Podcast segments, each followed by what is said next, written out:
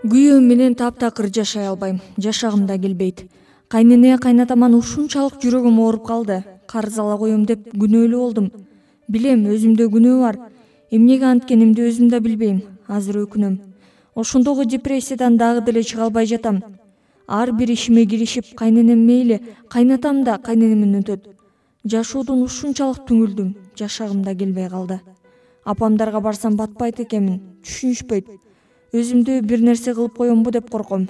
Көңүлүмө эч нерсе жакпай сыйбай жатат. Кээде ушунчалык өлүп алгым келет. Баламды кыя албайм азаттыктын ватсап баракчасына келген бул жан дүйнө кыйкырыгынын ээси жыйырма бир жаштагы лаура аттуу келин анын бул билдирүүсүнөн соң өзү менен байланыштык. Маектешибиздин ый аралашкан үнүн эфирден берүүнү туура көрбөдүк. Каарманыбыздын сөздөрүн кесиптешим айдана топчубаева угуп берет. Келиндин айтымында күйөөсү үйдүн кичүүсү болгондуктан жаш үй бүлө ата энеси менен чогуу турушат лаура мектепти бүтөөрү менен турмушка чыккан туруктуу кесиби жок болгондуктан негизинен өлүшкө бөлүнгөн үй бүлөлүк жерге айдалган эгиндин түйшүгү менен алектенет бир жарым гектар үлүш жерибизге жүгөрү айдайбыз. Кайнатам андан тышкарыда башкалардын иштетпеген жерлерин ижарага алат жалпы беш алты гектар болсо керек. Айылда баарын кол менен кылабыз да техника жетишпейт. Жүгөрүнө отоп чабуу иштери бар. Күзүндө бышканда сотосун кайрып өзүнүн ороху менен оруп алабыз. Анан буулап аны үйгө ташуу иштери да чоң эле түйшүк келиндин айтымында үй бүлөдөгү киреше акчаны кайын атасы кармайт мага дээрлик акча беришпейт. Балам ооруп калса же төркүнүмө бара турган болгондо гана бир аз тыйын беришпесе такыр эле акча көрбөйм. Үйгө азык түлүктү кайненем алып келет. Балама кээде мага кийим кечени да кайненем алып келет. Бирок алып келген кийимдери мага жакпайт. Сапатсыз өтө эле арзан кийимдерди алып берет.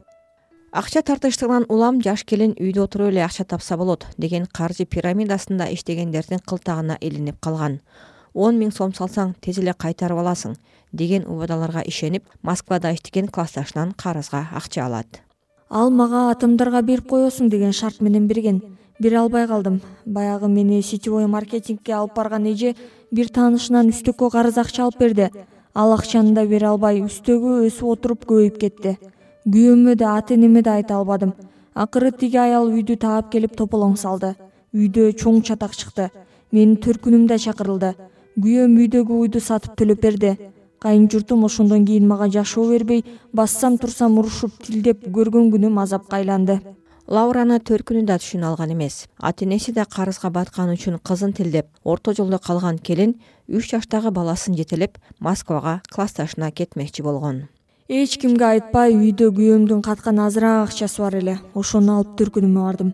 Ал жактан апамдын да акча каткан жерин билчү элем аны да алдым эртеси ата энем ишке кеткенде баламды алып чыгып кеттим. Бирок балама атасынын уруксааты жок билет сатышпайт экен. Айла жок кете албай калдым. Көңүлүм ушунчалык муздаган экен. Үйгө кайтып баргым келген жок. Колумдагы бар акчага батир таап бир нече күн ошол жерде жашадым. Бул аралыкта келиндин кайын журту жана төркүнү аны издеп милицияга кабар беришкен.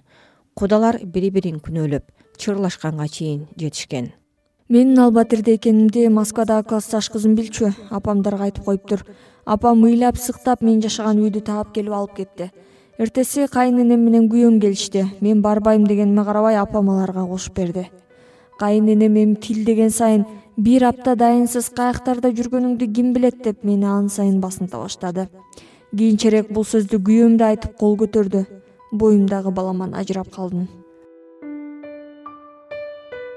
лаура карызга батып калганы. Андан кийин үйдөн чыгып кеткени үчүн да өзүн күнөөлөп жашап келет.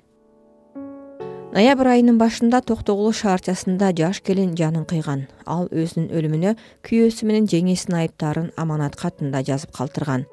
Токтогулдук келиндин өлүмү жыл башынан берки жетинчи окуя. Январь айында кара кол шаарында эки жаш келин өз жанын кыйган апрелде ош шаарына танапташ ишкаван айылында отуз эки жаштагы келин төрт баланын энеси жоолукка асынып каза болгон.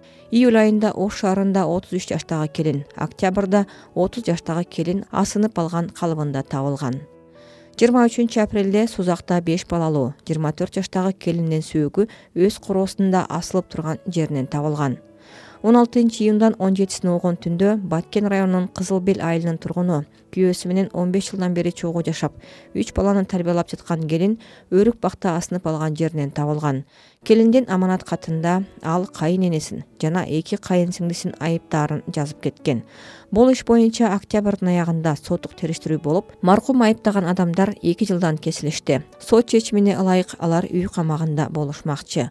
Сот жараяны учурунда келиндин ата энеси ал күйөөсү жана кайын журту менен көп чатакташып жүргөнүн жанын кыйган күнү да телефон чалып кайын сиңдилери урганын мындай жашоо болбосун айтып ыйлаганын айтышкан. Жыйырма тогузунчу октябрда ош шаарында отуз беш жаштагы келин көп кабаттуу үйдөн секирип өз жанын кыюуга аракет кылган. Аны ош шаардык ички иштер башкармалыгынын кызматкерлери куткарып дарыгерлерге өткөрүп беришкен. Милициянын маалыматына караганда келиндин бул кадамга барганына үй бүлөлүк чыр чатак себеп болгон. Алты баланын энеси күйөөсү менен ажырашкан учурда сот алардын кенже баласын күйөөсүндө калтырууну чечкен.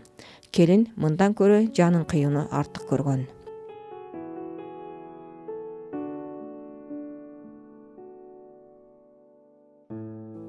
биздин каарманыбыз лаура да акыркы убактарда жашоодон кечип жанын кыйган келиндердин жолун улоочу болуп калбаш үчүн тезинен адистерге кайрылуусу керектигин психологдор айтышты. Алардын бири шолпан мамытова келин токтоосуз түрдө адистерге кайрылууга тийиш деп эсептейт. Анын айтымында лаура өмүрдүн кымбаттыгын бир эле жолу берилерин түшүнгөндө жанын кыюу оюнан кайтат но обязательно азыркы жанагындай сиз айтып аткан состояниеде болсо кайрылса өтө жакшы болмок. Кээ бирлер түшүнө бербейт. Психологко барат десе башкача түшүнүп алышат. Да негизи психологко барганда аябай чоң таасирин тийгизет да. Ошо көз караштарды ар кандай жашоого болгон мамилесин мындай кадимкидей өзгөрөт адамда жашоонун кызыгы бул өзү ар бир нерседен орусча айтканда удовольствие алып жашаш керек да. Элементарно чай ичип атсаң дагы ошондон удовольствие алып жашаш керек. Шолпан мамытова келинди мындай абалда жалгыз калтырууга мүмкүн эместигин дагы эскертти. Менталитетин кармап эми кыз кетти жашасын ошол жерде. Мисалы кыз кайра кайтып келгени уят. Алар өзүнүн намысы үчүн ошо баласынын абалын түшүнбөстөн жаша барып эмне кылсаң ошол кыл деген мамиле кылса керек. А бирок эки неме вариантты эми баарын ошо элдер сүйлөйт ата энем сүйлөйт дегенде баарын кайдыгер кылып туруп өзүнүн жашоосун баштаса да мисалы башка мамлекетке барабы же дагы бир башка жака барабы өзүнүн башкача жашоосун баштаса болот. Же болбосо ошол эле болуп аткан нерсени ичинен кандайдыр бир өзгөрүү мамиле өзгөртүш керек да мисалы булар сүйлөй берет же мен өзүмдүн жашоом өзүм билем деген сыяктуу бир какой то бир ичинен өзгөрүш керек да мамилечи чтобы ал нерсе болуп атканда ага нерв болбогудай ар кандай стресске түшпөгүдөй болуш керек да ошо кайын журту менен күйөөсү менен жашайм деген кандай көңүлү болсо.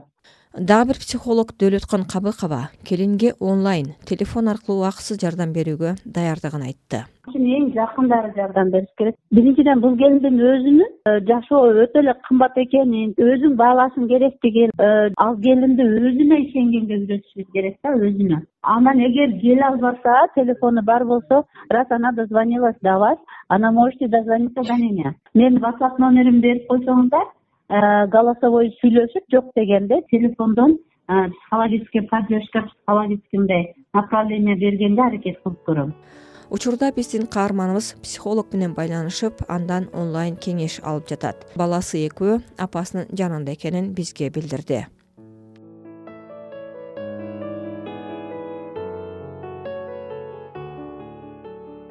Бириккен улуттар оюнунун кылмышка жана маңзатка каршы комитетинин иликтөөсүнө ылайык кыргызстанда келиндердин өз жанын кыюусуна негизги себеп үй бүлөлүк зомбулук чыр чатактар кайын журт менен пикир келишпөө деп табылган.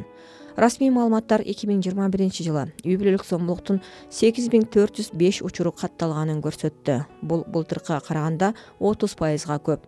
Башкы прокуратура эки миң он экинчи жылдан эки миң он бешинчи жылга чейин жыл сайын эки жарым миңден үч жарым миңге чейин үй бүлөлүк зомбулук фактысы катталып турган болсо эки миң он алтынчы он сегизинчи жылдары жети миңден түшпөгөнүн маалымдаган мындан токсон пайыздан ашык учурда аялдар жабыр тарткан. Үй бүлөлүк зомбулук фактыларынын токсон пайыздан ашууну сотко жетпей түрдүү себептер менен кыскарып кетет. Замира кожобаева азаттык бишкек